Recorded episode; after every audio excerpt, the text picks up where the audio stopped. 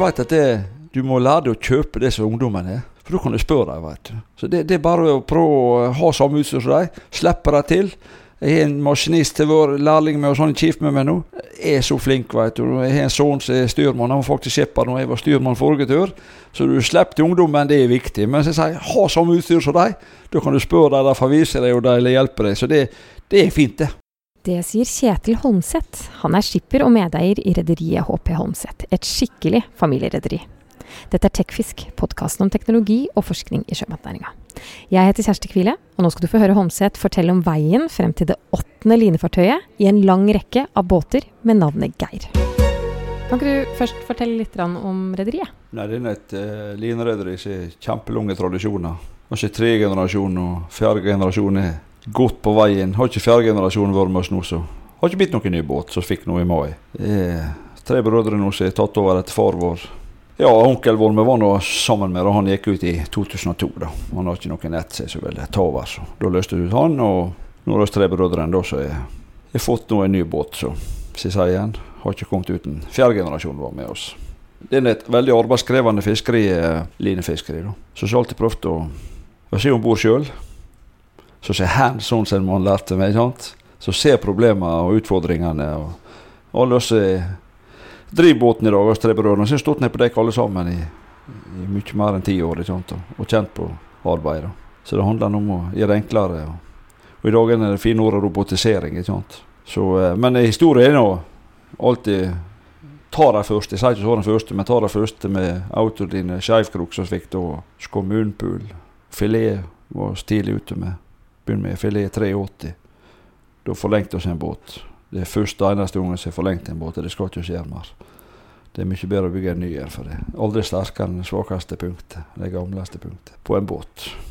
Ja, ja for dere har, dere har jo hatt mange nye båter? Ja, så hatt sånn eh, politikk med å fornye hvert tiende år. da. Det er politikken, ja. ja. For det er med avskriving å gjøre. For eh, oss har ikke noen kjempegod inntjening. Eh, så misunnelig på to andre havgående flåtetyper som er veldig god inntjening. Og kanskje eh, trenger ikke fullt så mye innsats. Men eh, jeg er stolt av å holde på med oss og, peise på, da, som sier på Sunnmøre. Så eh, det er å time avskrivingene for å klare å konkurrere om beste arbeidskrafta med de som har mye bedre inntjening enn oss. Så det var vår politikk. Den nyeste, Geir, ja. ble levert i vår? Ja. 16. 16. mai ble han levert i år. Få fortelle litt om det nå, da. Hva slags båt er det? Hva er? Nei, det er en så spissa, rein linebåt som det går an å Og det. er det litt sånn eh, takt, taktikk, strategi som Drillo sier. At vi trener på det vi er gode. Og prøver å spisse det enda mer. Og det er å dra line. Og ha båten på rett plass til rett tid etter sesongene. Så det er en båt som har i hvert fall fått om bord noe utstyr nå. Eh, det er high-tech. Eh, Sarena kom, det er en båt som verden ikke har sett før. Jeg har linebåt, og det står jeg for. Jeg har akkurat kommet hjem igjen nå, og det, det, er avansert. Jeg er så glad for de ungdommen som har trykt på å få om bord all teknologien, for det er utfordrende å få på plass. Men eh, dette får vi til, og så er godt på gang. Og jeg føler vi har tatt et skritt, kanskje nesten to, med, i forhold til konkurrentene våre nå så eh, ikke fullt så nye båter. Da. Så det kom til seg steg videre i lineholding og prosessering på biprodukt. Lastehåndtering og alt sånt. Da.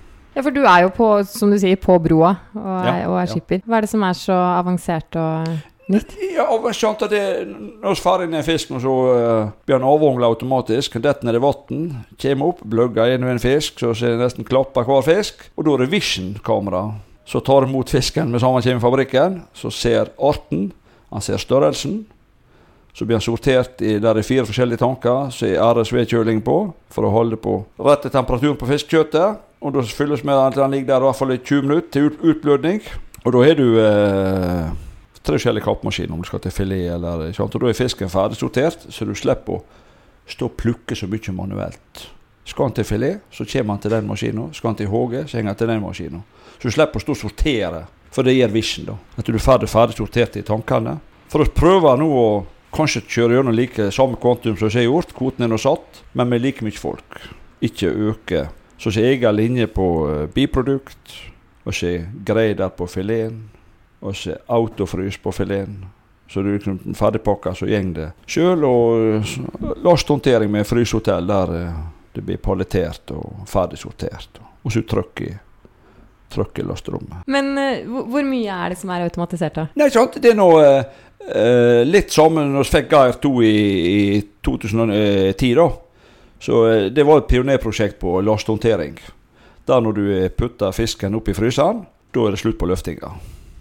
At det du tømmer fryseren med, med robot, og du er pakkemaskiner Går ned i et frysehotell der det blir sortert etter arter. Der er det 200 hyller. Og når det der er til en palle, et tonn da cirka, så sier PC-en nå jeg er klar til å palettere den og den sorteringa. Så går det på palettering og plasting. Og, så det blir ikke mindre tunge løft. da. Og så losses båten sjøl, slik at vi holder den lille kapitalen vi har i systemet vårt, bort til mannskap og rederi. Vi tømmer båten sjøl. Hvordan var det dere jobbet med å utvikle denne Geir da? Ja, det har vært en kjempelang prosess. Men det er noe som jeg har sagt mange ganger, så er fjerde generasjon er med oss nå. Og det er noe de som virkelig har stått på og gjøre enda mer automatisert. Og de har helt annen innsikt på data og, og sånt. Eh, så å si. Så eh, bor oss på Sunnmøre og ser et fantastisk cluster rundt oss med de som utvikler dette her nå. For å ta den med hvor vi bor, så bruker jeg å si mye fartfiskerimessig, bojafiskerimmessig. Det er Sunnmøre. Når det gjelder utvikling på vår, på vår hvitfiskflåte, og det er f.eks. opp til MA. det er et fantastisk miljø. Det var de som var med oss i, i 20 timer. Så du kan si på akkurat lastehåndteringen så største løftet, det var på Geir 2. Så bare videreutvikla det og strømlinjeforma det litt. Da. Ja, og ja. Optimar er de som har levert, Optimar er som levert ja. utstyr til fabrikken ja, og systemene der. Det er nokså er virkelig kommet i flåten, og alle trålere og sånt. Så jeg sier ikke alle Optimar, men det med lastehåndtering det er kommet for fullt med palettering. og Det sparer masse, masse luft. Alle båtene deres heter Geir. Hvor kommer det navnet fra? Det kommer fra Island. Hovedgata i Røykjavik, nede på havna heter Geirs gate. Og det er havets spyd. Det er det liksom det nordrørende navnet de har på hva de kaller det. Det, det er det er der det kommer fra. Så det er islandsk opprinnelse. Så det, det er bestefar vår også uh, ta til dette der. Så holder dere på, på, den? Ja da. Det er klart, det er mange som spør. Et, ja, ikke annet enn et spesielt navn og sånt. Men drar til England, da, så er hovedmarkedet vårt for filet og produktene våre. Nei, nei, nei, nei, du må ikke skifte Gaurbrand. Det er så sterkt at det, det må ikke tenke på å, å skifte. Da. Så uh, derfor har vi bare beholdt det. Hvilke forbedringer er det man gjør for hver gang? Altså, Hva er det som skjer mellom hver båt? Det er nesten det. Men eh, standard, bostandard faktisk gått litt ned nå. For når vi bygde den båten som vi ser nå, da var det noen ideer om vindfang. At vi skal prøve å gå ned på vindfang. da. Ikke så høy båt. For vi sa vi skal laste 500 tonn på paller. Da må vi ha så stort lasterom. Så det ble litt lengde på den. Men uh, høgde har ikke så mye. da. Så Lugara har gått ned i etasje nå. Så jeg bruker å si at jeg ikke bodd så lavt nede. Nå er jeg 78. for, ja, for å gi noe til miljøet. da. Så er miljøprofil med oss virkelig hot. Eh, kommer på litt etter hvert nå. Både med søppelhåndtering og, og sånt. Så jeg har alltid vært opptatt av å eh, ha en god sjøbåt. Jeg er kanskje ikke opptatt av fart. Men at det, han er god i sjøen. Noe som skal på låringer, hvis du får eh, båten på skrå bakfra. Så det er ofte lett båter med hiv på seg. Der er skipsteknisk virkelig knekt en kode for å ha gode hekker i dem. Så er dette med bare forenkling. Så se for framtida, så er det Egnarhuset. Der er for mye arbeid med Lindborg. Selv om vi har fått oss en bedre krok som er utvikla gjennom ti år på Geir 2, så er det en jobb å gjøre i Egnarhuset ennå. Det er for arbeidskrevende. Når det er 61 000 krok for dag nå, så er det intensivt. Men altså en mann mindre på lineholdingen enn som var før nå, for ti år siden. Så noe har vi fått til, men uh, det er intensivt. Det er det. Og så er det dette med at det, det skal ikke nødvendigvis bare være en supermann som kan være med oss for å klare å, å holde båten på topp. Da. At det ja, litt mindre krav til hver enkelt mann. Så kommer det mye sånne uh, ungdommer fra opplæringskontorene som vil kalle det en suksess. Er, er med oss og får plass etterpå. og sånt. Og det, det er Som med linehalinger og sånt, det, det er litt, kanskje litt mindre krav, eller mindre fysisk arbeid. At det skjer innendørs.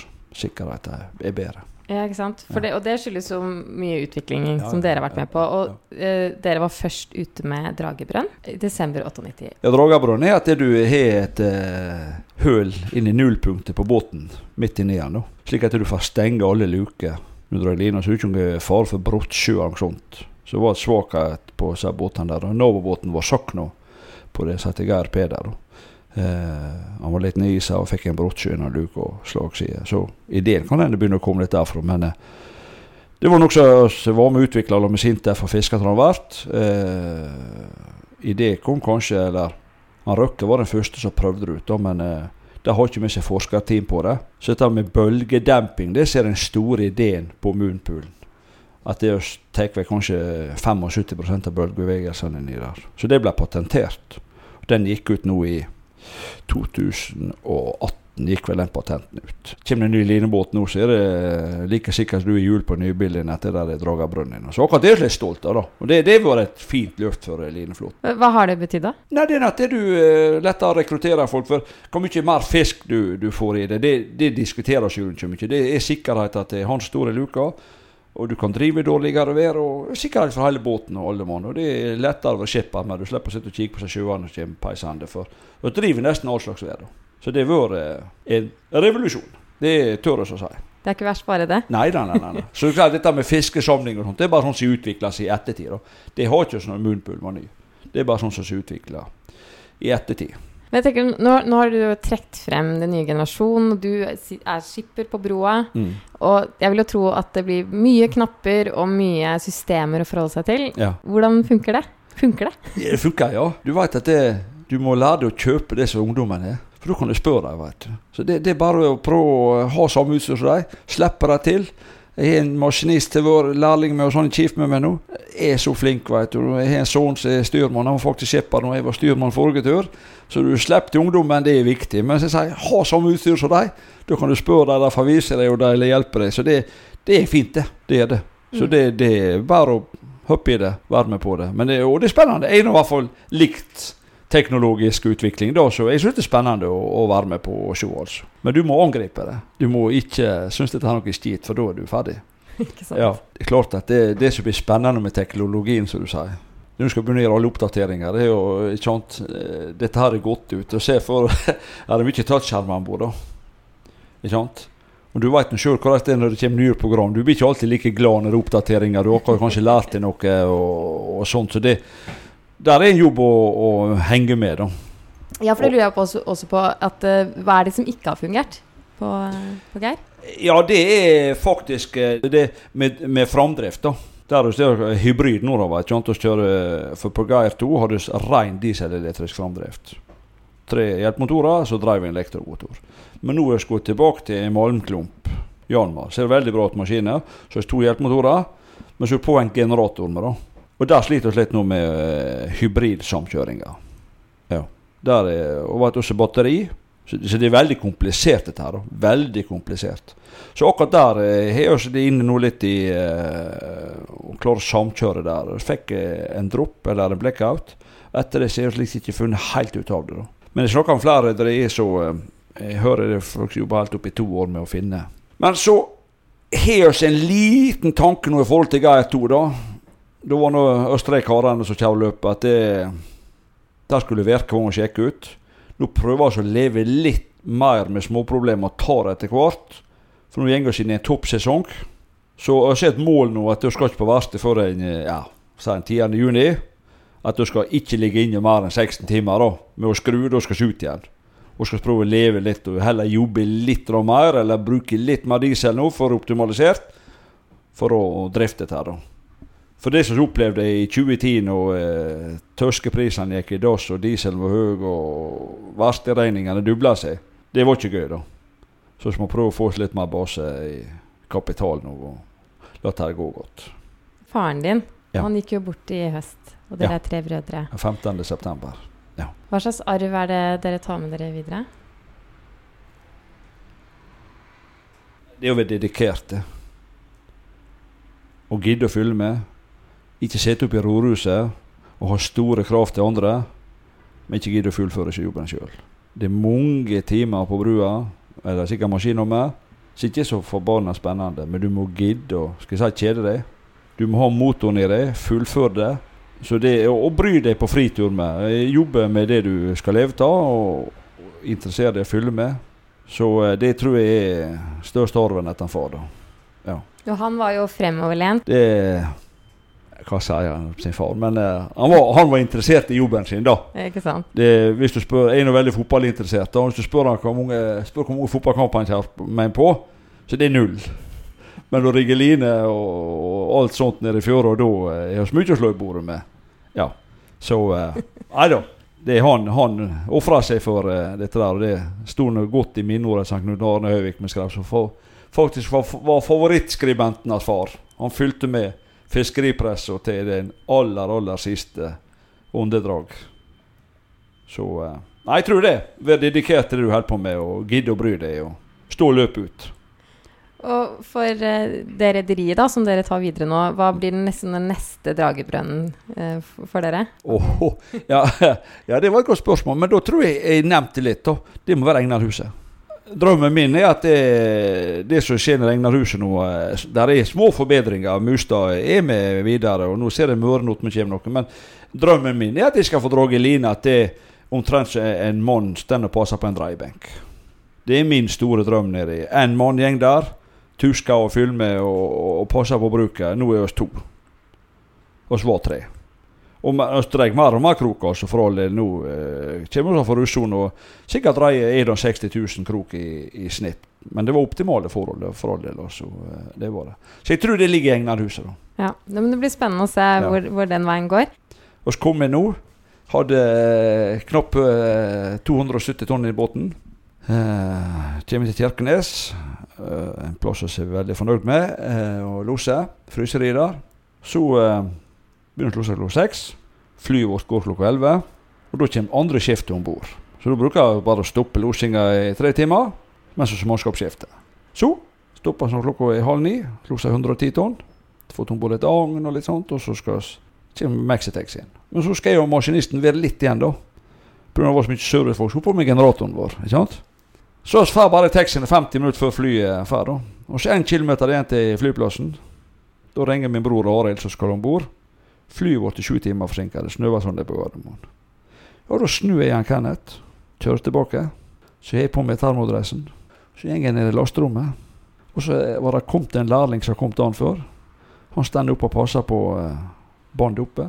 Så fire timer etterpå så er båten tom, han. Da har jeg tømt den alene med truken. 155 tonn syns jeg var veldig artig. Og da tenkte jeg du og du har far sett meg nå. Så bra. Nei, men Da blir det spennende tider og lett lossing fremover. Ja, ja, ja, men det, det, det er kjempeløft, det. Det er det. Ja, ja, ja. Takk skal du ha. Sjøl takk. Du har nå hørt på Tekfisk, podkasten om teknologi og forskning i sjømatnæringa. Neste uke skal vi ha podkast fra Tekfisk direkte. Vi har nemlig igjen kunnet ta vår podkast opp på scenen, og det skjedde på Nextway-konferansen utenfor Ålesund. Min kollega Kjersti Sandvik intervjuer to redere og én teknisk sjef om splitter nye fiskebåter. Vi høres!